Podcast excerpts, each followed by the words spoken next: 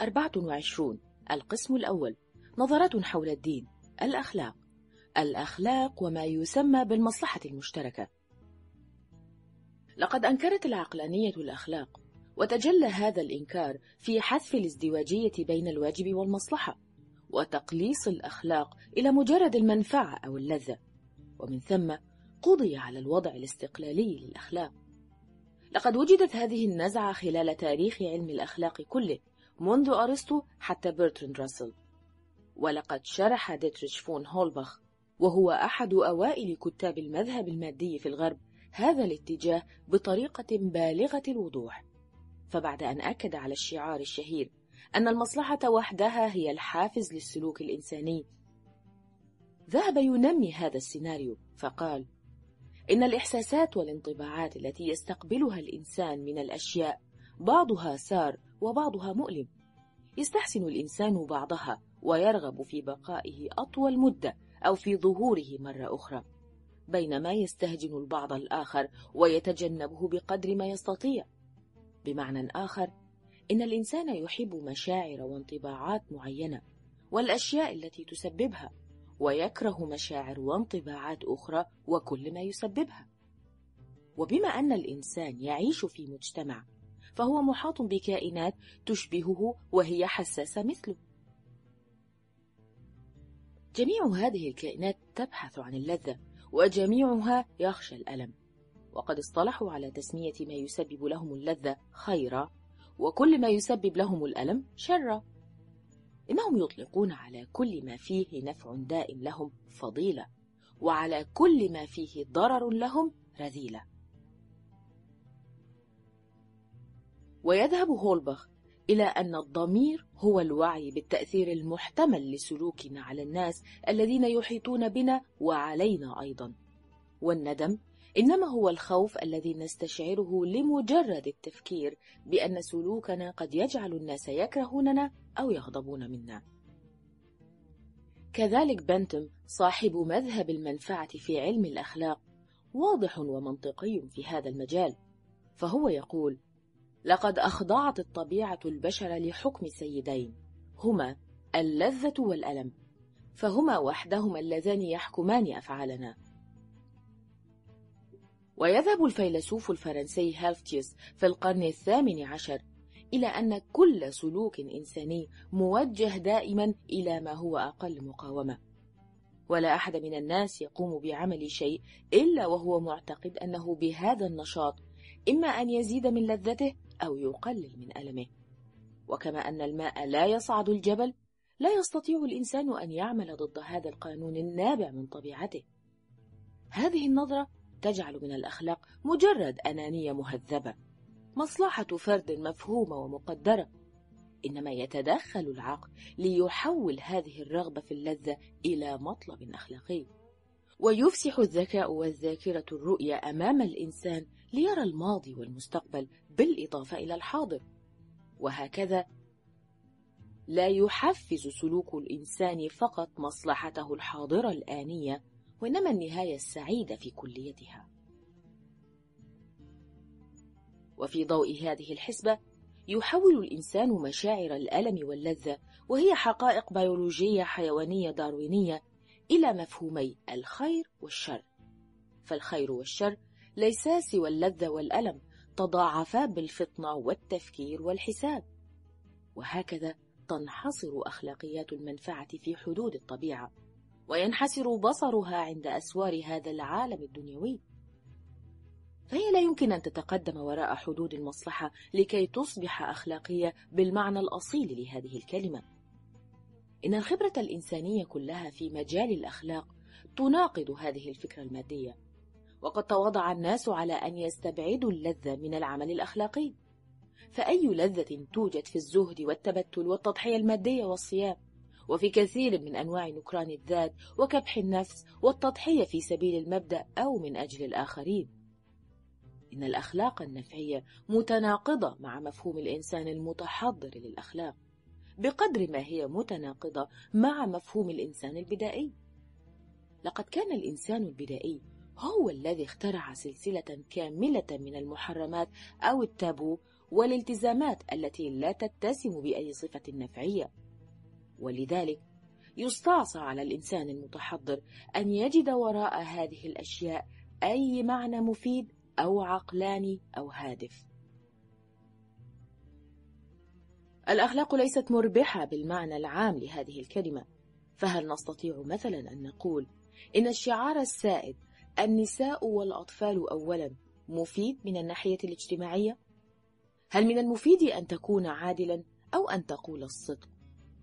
إننا نستطيع أن نتصور مواقف عديدة يكون الظلم فيها والكذب هما المفيدان وبالمثل فإن التسامح الديني والسياسي والعرقي والوطني ليس مفيدا بالمعنى المعتاد للكلمة.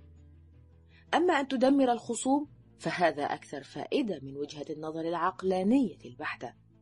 ولكن التسامح إذا توافر فإن ممارسته لا تكون من قبيل المصلحة وإنما يكون التسامح بحافز من مبدأ أو بباعث إنساني أو بسبب ما يطلق عليه اللاغرضية المستهدفة. إن حماية العجزة والمقعدين أو العناية بالمعوقين والمرضى الذين لا أمل في شفائهم. كل ذلك ليس من قبيل السعي وراء الفائدة. فالأخلاق لا يمكن أن تخضع لمعايير المنفعة. نعم قد يكون السلوك الأخلاقي أحيانا مفيدا ولكن ليس معنى هذا أن شيئا قد أصبح أخلاقيا لأنه أثبت فائدته في فترة ما من فترات الخبرة الإنسانية. على العكس فهذه الخبرة نادرة الحدوث.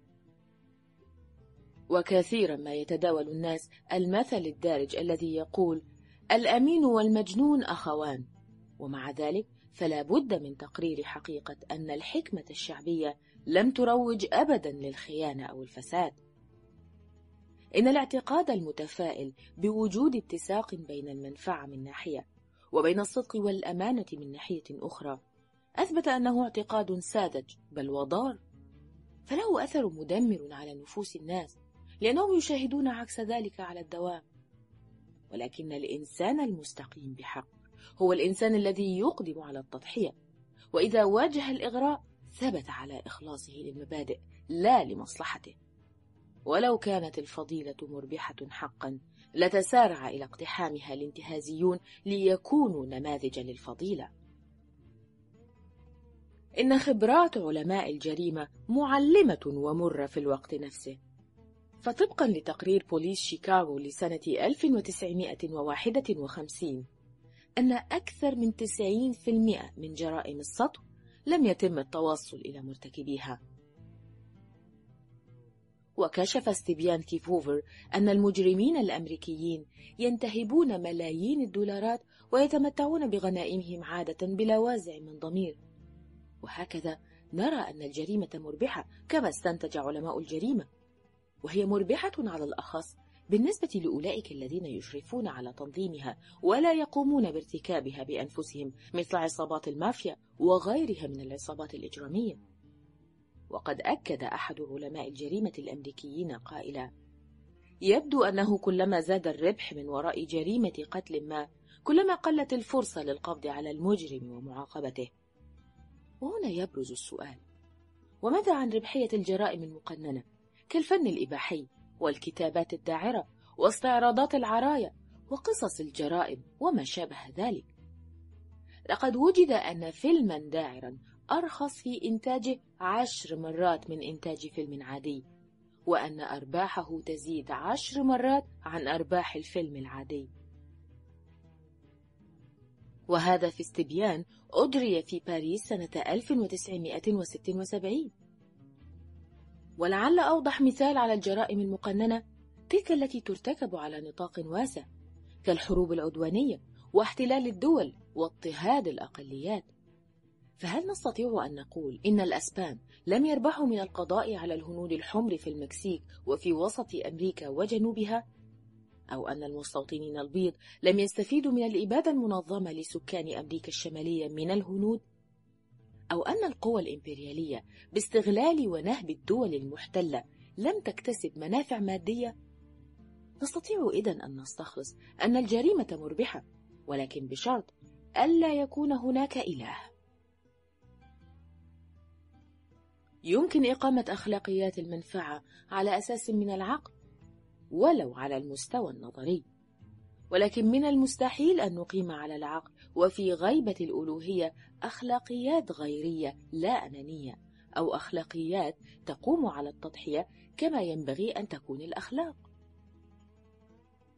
لقد تناقض أرسطو مع نفسه في كتابه الشهير أخلاق نيقوماخوس حيث اشتق الغيرية من الأنانية لأن الغيرية عنده تبدأ من ذاتية الإنسان ثم قال إن رجل الأخلاق سيعمل الكثير من أجل أصدقائه ووطنه وسوف يضحي بماله وممتلكاته وسوف يتنازل بسعادة عن مركزه وامتيازاته للآخرين. وفوق هذا كله سيموت إذا كان ذلك ضروريا من أجل الآخرين ومن أجل وطنه. إنه لمن الواضح البين أن هذه المواقف لا يربطها رباط منطقي وأنها لم تأتي جميعا من أصل واحد. وقد لاحظ كثير من المفكرين هذا التناقض وعلقوا عليه. ومنهم شالهير ماخر الذي انتقد كومة الفضائل هذه عند أرسطو. كما لاحظ فريدريك يودل أن أرسطو متناقض تناقضا واضحا عندما استخلص نتائج بطولية من مبدأ الأنانية الأخلاقية وهو ما لا يمكن بالتأكيد استنباطه من هذا المبدأ. وعندما قال أرسطو حتى مع الموقف البطولي نحن لم نبرح حقل الأنانية لأن أولئك الذين فقدوا حياتهم من أجل الآخرين قد اختاروا الأعظم والأجمل لأنفسهم. عندما قال أرسطو هذا الكلام إنما كان يضخم مفهوم الأنانية والأثرة وراء معناها الحقيقي في وعي كل إنسان. فإذا اقتحم إنسان منزلا يحترق لينقذ طفل جاره فهل نستطيع أن نقول إن هذا الإنسان فعل ذلك من قبيل الأنانية ومن أجل ذاته؟ قد نستطيع أن نقول هذا ولكن بمعنى واحد وأعني بذلك أنه إذا كان أداء الواجب حبا في الخير هو المصلحة العليا وهو أيضا مصلحة الشخص البطل الذي ضحى بنفسه في هذه الحالة يمكن أن ينتفي التصادم بين التضحية وبين المصلحة لأنها لن تكون مصلحة بالمعنى المعتاد للكلمة وإنما مصلحة بالمعنى المطلق أي مصلحة أخلاقية.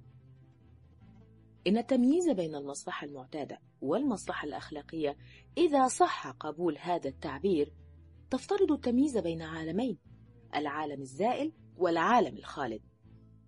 إنه فقط عندما يكون ذلك العالم الآخر السامي موجودا يمكننا أن نتحدث عن التضحية كفعل قام به إنسان لمصلحته. بدون هذا المعنى فإن هناك حدا لا يمكن تجاوزه. ألا وهو الحياة. إننا نعرف الأخلاق الأصيلة بأنها سلوك قد يكون ضد المصلحة الشخصية. ومع ذلك توجد ظاهرة أخرى تبدو مشابهة رغم أنها في جوهرها مختلفة تمام الاختلاف. ألا وهي ما يسمى السلوك الاجتماعي. ففي حياتنا الاجتماعية لا يتصرف الإنسان وفقا لمصلحته الاجتماعية. إن سلوكه الاجتماعي يستهدف تحقيق احتياجاته الشخصية وإنما على نطاق اجتماعي أوسع حيث يصبح المجتمع هو التعبير عن جميع الحاجات الشخصية التي يمكن تحقيقها بفعالية أكبر. هذا الموقف الجديد يخلق واجبات مختلفة لأعضاء المجتمع. تذكرنا بحكم تطابق اللفظ بالمطالب الأخلاقية أو الواجبات. هنا تبدو الأنشطة التي تستهدف تحقيق المصلحة الشخصية واجبات أو التزامات اجتماعية. هذه الواجبات الاجتماعية قد لا تتكافأ مع المصلحة الشخصية للإنسان حيث تقتضي تضحية أو عطاء أكثر مما يمكن قبوله. وقد تكون ضد الرغبات والتطلعات الآنية للفرد الذي هو عضو في مجموعة. وهنا يتجلى الوهم بأن الفرد قد تصرف لا بمقتضى مصلحته بل في سبيل المبدأ الأسمى. أما الواقع فهو أن المجتمع شكل معين لتحقيق المصالح الشخصية. فالجو العام لم يتغير إنما الشكل فقط هو الذي تغير للوصول إلى الغرض نفسه. فما يطلق عليه المصلحة المشتركة هو مصلحة شخصية تتساوى في أنانيتها ولا أخلاقيتها. إن العمل الجماعي من صناعة الذكاء وليس فيضا من القلب أو الروح وهو يؤدي إلى تحقيق أكبر مصلحة شخصية لأكبر عدد من الناس في المجتمع وهذا ما يطلقون عليه المبدأ الأعظم. ملحوظة. مؤلف هذه المعادلة الشهيرة هو جيرمي بنتون.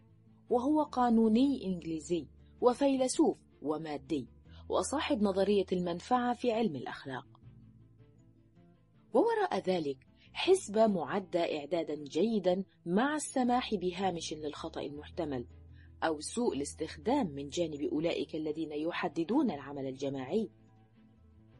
إن ما يوفره الذكاء في حياة الإنسان بطريقة غير كاملة توفره الغريزة كاملا في المملكة الحيوانية. والمثل على ذلك قائم في السلوك الاجتماعي للنمل والنحل والحيوانات البرية الأخرى في قطعانها.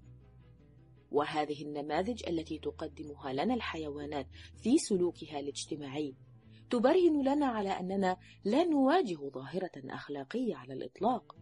والفرق واضح فالحافز وراء السلوك الاجتماعي هو المصلحة بعكس السلوك الأخلاقي الذي لا يقوم على المصلحة. إن السلوك باسم الأنانية شيء والسلوك باسم الواجب شيء آخر. الأول يستند إلى المصلحة والحاجة والنظام والعقل أما الثاني فهو ممكن فقط بسم الله. وتوجد نقطة أخرى تساعد على التمييز في هذا المجال فالسلوك الأخلاقي يقوم دائما على الكمال الروحي وهو متسق مع الخير المثالي والصدق والعدالة. ومن ناحية أخرى فإن السلوك الجمعي قائم على التنظيم وقد يكون إجراميا ولكنه في أكثر الأحوال لا أخلاقي أو ضد الأخلاق. والمصلحة المشتركة لا يمكن أن تكون مصلحة البشر جميعا إنها دائما مصلحة مجموعة محددة مغلقة. قد تكون مجموعة سياسية أو وطنية أو طبقة. لقد تحدث تولستوي عن تأليه الدولة أو تأليه المصلحة العامة. المصلحة المشتركة لمجموعة من الناس أو لوطن ما قد تستدعي استغلال أو استبعاد بل حتى إبادة أعضاء مجموعة أخرى أو شعب آخر. إن التاريخ الحديث للأمم وعلى الأخص تاريخ الإمبريالية الاستعمارية حافل بالأمثلة. على أن ما يطلق عليه المصلحة المشتركة يمكن أن تأخذ شكلا إجراميا صريحا. وفي العصر الحديث نجد أن أمثلة بارزة على أن منطق المصلحة المشتركة يمكن أن يؤدي إلى اضطراب شامل وإلى خداع يترتب عليه نتائج مأساوية. فقد أعلن المانيفستو الشيوعي أن طبقة العمال قد تخلت عن الأخلاق باعتبارها خداعا برجوازيا وفي المؤتمر الدولي الثاني راجع هذه النقطة ليؤكد مبدأ العدالة ويدفع مبدأ الغاية تبرر الوسيلة. ومع ذلك فقد عاد لينين مرة أخرى إلى موقف المانيفستو الشيوعي بتأكيده على أن الأخلاق هي ما يساعد فقط طبقة البروليتاريا على النصر. مستعيدا بذلك الهدف كمعيار أخلاقي. وبتطبيق هذا المبدأ توصل ستالين إلى استنتاجه بأن من مصلحة انتصار البروليتاريا ومن ثم فهو مباح وأخلاقي. تقوية أجهزة الحكومة والبوليس لدرجة لم يسمع بها من قبل. ومنع انتقاد الحكومة ورجال السلطة والمحافظة على فكرة عصمة الحكومة ورجالها من الخطأ. وإنشاء عبادة الزعيم المعصوم الكلي القدرة والمحافظة على حالة الخوف الدائم ليعوق أو يمنع أي محاولة للمقاومة. وأن ينظم بين الحين والآخر عمليات تصفية جماعية للأشخاص والجماعات غير المرغوب فيهم أو تصفية لشعب بأكمله. وأن يفسد بالمرتبات الكبيرة والامتيازات رجال الجيش والبوليس والأجهزة السياسية والأفراد المطيعين من طبقة المثقفين. وأن ينشئ وزارات وإدارات لمحاباة طبقة متميزة من المؤيدين له. وأن يحتكر جميع قنوات المعلومات كالصحافة والراديو والتلفزيون. ويجعلها تتغنى بالديمقراطية والحرية والإنسانية والخير العام والمستقبل الزاهر. وعن فضائل القادة ورجال السلطة وأن يحتل دولا أجنبية ثم يزعم أن الاحتلال قد تم بإرادتها الحرة. وكان على أجهزة الإعلام أن تكرر هذا بإلحاح من أجل انتصار مصلحة الطبقة العمالية ما دام ذلك مباحا وأخلاقيا. ملحوظة. في كتيب موجه للمواطن السوفيتي يقرر أن الواجب الأسمى أن تكون مخلصا للطبقة العاملة. هذا الواجب الأسمى كما ترى واجب سياسي وليس قرارا أخلاقيا. وعندما تعلن السلطة أنها تمثل مصالح الطبقة العاملة فإن الخطوة التالية هي أن تطالب بأن يكون الإخلاص لها هو الواجب الأسمى لكل مواطن. وقد بدأ ستالين إساءة استخدام سلطته تماما بهذه الطريقة. وهنا أيضا نموذج أحدث من ذلك. ففي كتاب مدرسي عن الأخلاق الماركسية معد للمدارس الثانوية في المجر سنة 1978 يقول إن الطفل ابنا كان أو بنتا لا يصح بحال أن يقدم على قتل أمه إلا إذا أصبحت خائنة للطبقة. وقد أثار هذا الكتاب هجوما عنيفا مما جعل السلطات تسحبه من المدارس. بينما تعلن الأخلاق الدينية مبدأ مقاومة الشر وهو مبدأ يمكن ملاحظته بشكل واضح أو متضمن في جميع الأخلاقيات القائمة على الدين. أما الأخلاق النفعية فتكرس مبدأ مضادا هو التبادلية. فالنفعيون يؤكدون بما لا يدع مجالا للشك أن أي شخص يطيع المعايير الأخلاقية في وقت لا يطيعها أحد فإنه يتصرف ضد العقل. وهذه نتيجة ثابتة من وجهة النظر النفعية. وبالإضافة إلى هذا تبين لنا هذه الحقيقة بوضوح تام أن الأخلاق النفعية ليست أخلاقا حقيقية وأنها تنتمي إلى السياسة أكثر من انتمائها لعلم الأخلاق. فأن تقيم التبادلية مبدأ للسلوك الخلقي معناه أنك جعلت الأخلاق نسبية وأنك تفصلها عن مبدئها الجوهري الذي اكتسبت منه قوتها الملزمة. لقد أطلق أيضا على الأخلاق النفعية في الكتابات الإنجليزية أخلاق النتائج. بمعنى أن الشيء يكون أخلاقيا أو لا أخلاقي تبعا لما يترتب عليه من نتائج حسنة أو نتائج سيئة. ولكن كما رأينا من قبل فإن الأخلاق الأصيلة لا تعبأ في الواقع بالنتائج على الإطلاق إلى حد إنكار الأفعال باعتبارها أنها هي التعبير الخارجي للسلوك الإنساني. فالأخلاق الأصيلة ينصب اهتمامها فحسب على النية أن تريد وأن تعمل. ذلك أمر إنساني. فبالإرادة والعمل ينتهي مجال الأخلاق. أما النتائج والمعقبات فإنها أمور بيد الله سبحانه وتعالى.